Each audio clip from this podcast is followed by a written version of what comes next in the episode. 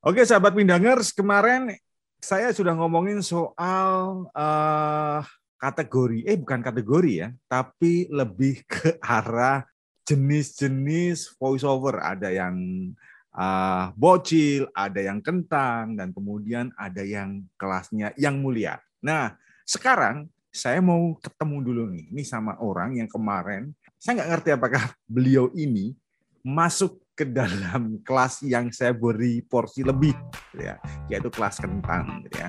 Untuk itu langsung saja kita gas, kita ketemu sama orang ini. Agung Indang Channel menyuarakan apa yang harus disuarakan, memperdengarkan apa yang harus didengar. Selamat malam, Mas Sadi. Selamat malam, Om. Waduh, ya. waduh, waduh, waduh.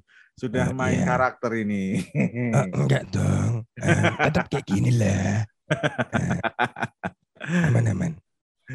Gimana uh, kabarnya? Sehat ya? Um, Alhamdulillah Om Jarwo kebetulan baik. Ya okay. di sini-sini baik lah. Oh capek ah pakai suara biasa aja lah ya. Ayo makane. Kowe memaksakan diri. Itu Durasi kita dua jam padahal. Eh tapi ngomong-ngomong, uh, memasuki 2022 ini gimana dengan job voiceover? Alhamdulillah ya. Ada sudah mulai ada. Sebenarnya dari dari dua tahun yang lalu ya semenjak kita ketemu di Oma Seli Suara Semarang hmm. Voiceover itu udah mulai ada ya pelan-pelan sih sampai sekarang alhamdulillah ya adalah per bulan ada. Oh tiap per bulan ada ya. Oke, okay. tiap per bulan. Saat aku mau tanya ya, kamu udah okay. dengerin podcastku kan? Udah, udah, udah. Oke, tentang voiceover kentang ya. udah, okay. udah, udah aman. Kalau jujur, kamu masuk kategori yang mana? Jujur kalau misalkan aku dengerin berulang-ulang, justru aku malah kentang om. Jadi bener-bener hmm. basically apa ya? Dibilang yang mulia juga tidak yang mulia sama sekali karena hmm. memang masih beberapa project ada yang masih di bawah pasar, hmm. masih belum full setiap hari dubbing-dubbing atau VO-VO yang lain segala macam. Jadi okay. belum belum bisa dikatakan yang ketiga. Tapi untuk dibilang yang kedua atau ke satu, aku pikir enggak juga karena posisi selalu di atas yang aku harapkan gitu loh. Fee-nya okay. yang satu digit, dua digit, ya insya Allah aku harapkan gitu. Oke. Okay. Kalau bicara soal posisi, kita kembali flashback ya saat. Hmm, hmm, hmm, Ketika kamu masih jadi seorang bocil gitu, Hmm. Pernah nggak di awal-awal itu kamu terima project? Sekat project ini bukan berarti sesuatu yang besar ya, tetapi bantuin dong saat isi ini. Gitu. Ini ini boleh jujur atau enggak nih? Ya jujur dong. Enggak, maksudnya maksudnya uh, ya brandnya itu di di di di, uh, di highlight atau ah di... monggo terserah monggo kalau uh, kalau di tempat saya bebas-bebas saja itu kembali ke kamu sebagai narasumber Yaudah. saya. Hmm. Oke, okay. uh, jujur pertama kali yang memakai jasaku just justru malah dari Semarang Voiceover sendiri, Mbak Andita. Oh, Mbak Dita. Aha. Mbak Dita. Dari beliau, Udinus ya, Udinus ya. Udinus, iya Udinus. Udinus sendiri itu pun pertama kali dan aku pun nggak tahu red card berapa, industrinya berapa dan segala macam dan alhamdulillah pun ibarat kata uh, untuk di angka ya aku sebutin aja ya dua ratus ribu per satu project itu hmm. per satu cut itu ya bagi aku ya sebenarnya untuk uh, ke arah voice over talent yang benar-benar menjaga komunitas atau menjaga fee itu memang tidak diharapkan. Tapi dengan dengan posisi aku mengambil itu, otomatis aku merasa kayak tergugah gitu loh. Oke, aku harus bisa upgrade, aku harus bisa upgrade. Yang awalnya cuman bermodalkan HP, sekarang ada mikrofon, ada headphone hmm. monitor dan yang lain-lain sebagainya gitu Om. Oke, okay. uh, para pendengar ketahui ya, yang namanya Udinus itu adalah universitas swasta yang kelasnya ya menengah ke, agak ke atas lah ya. Iya, pokoknya pokoknya benar. ini universitas yang bisa dibanggakan lah ya. Paling nggak universitas benar. terbesar di sekitar Tugu Muda. Ya memang tempatnya di sana. Iya tempatnya di sana gitu ya. Mas Adi ini dia mengisi untuk salah satu project itu company profile atau drama apa kalau nggak salah itu ya?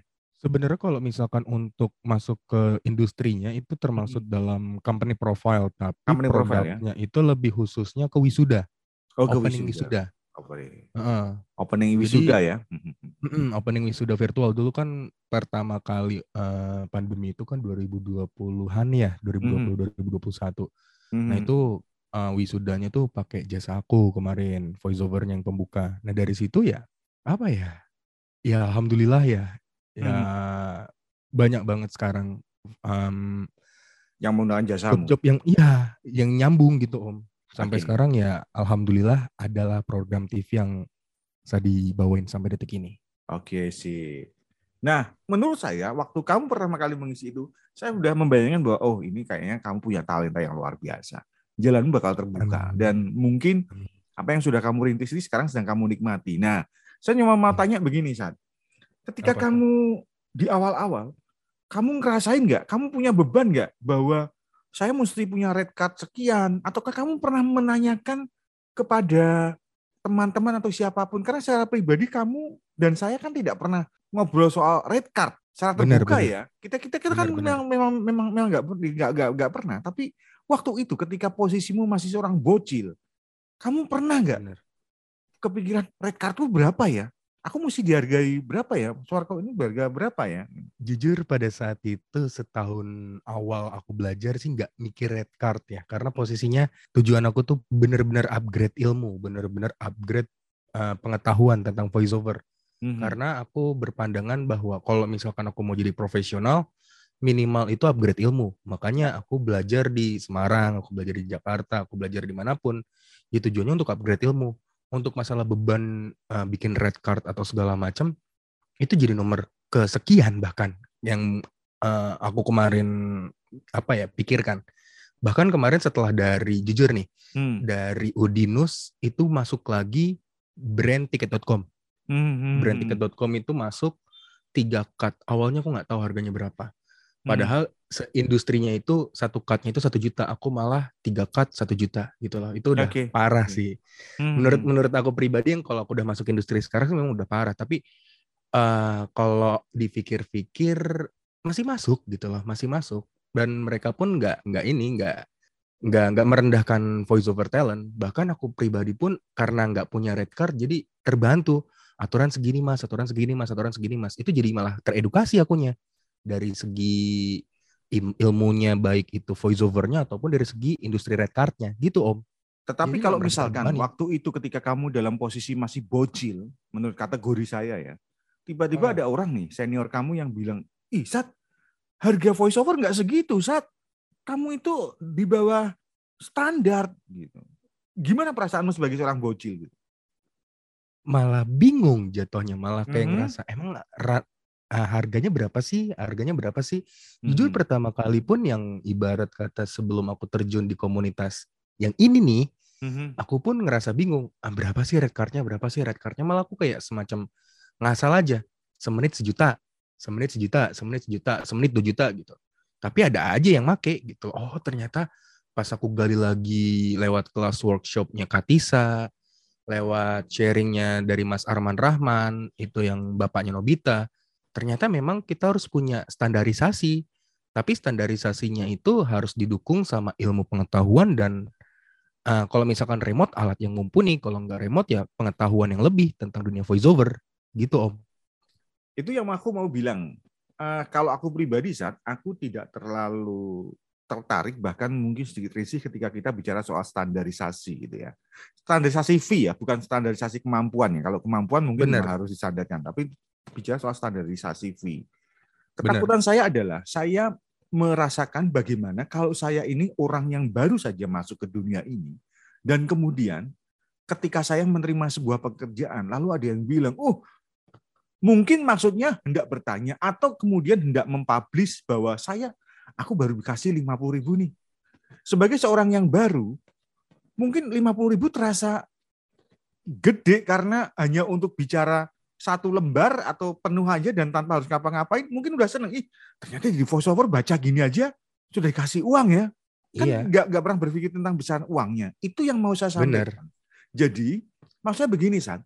Ketika kita sudah di awal kita di apa ya kayak semacam di adjust dulu bahwa standarnya mesti sekian ini fee-nya misalkan menurut saya nggak Hmm. bisa gitu loh karena apa karena kita ini kan orang-orang merdeka kamu kan tidak menghamba pada sebuah apa ya sebuah perusahaan Korporat ya. tertentu sebuah Benar. corporate gitu loh maksudku gini kalau kamu suatu saat saat terima angka 300 saja dengan sepersekian itu hak kamu gitu loh Saya Benar. misalkan terima 5 juta, bukan berarti saya lebih baik ketimbang kamu.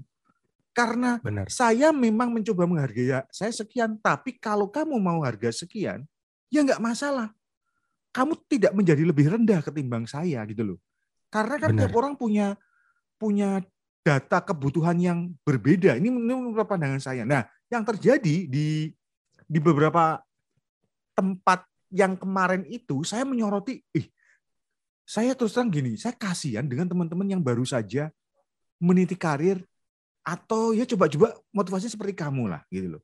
Bagaimana ketika kamu dipukul dengan, eh kamu harga sekian nggak standar dan segala macam. Eh, emang siapa kamu menstandarkan harga-harga kita gitu loh. Ditambah lagi menurut saya, kalau kemudian ini yang saya agak agak, agak kamu yakin nggak mereka yang sudah terima standar gede-gede, kadang-kadang nggak makan standar yang rendah-rendah? Yakin, jujur. Oh, Terima kasih. Sampai jumpa di Agung Pindang Channel episode berikutnya.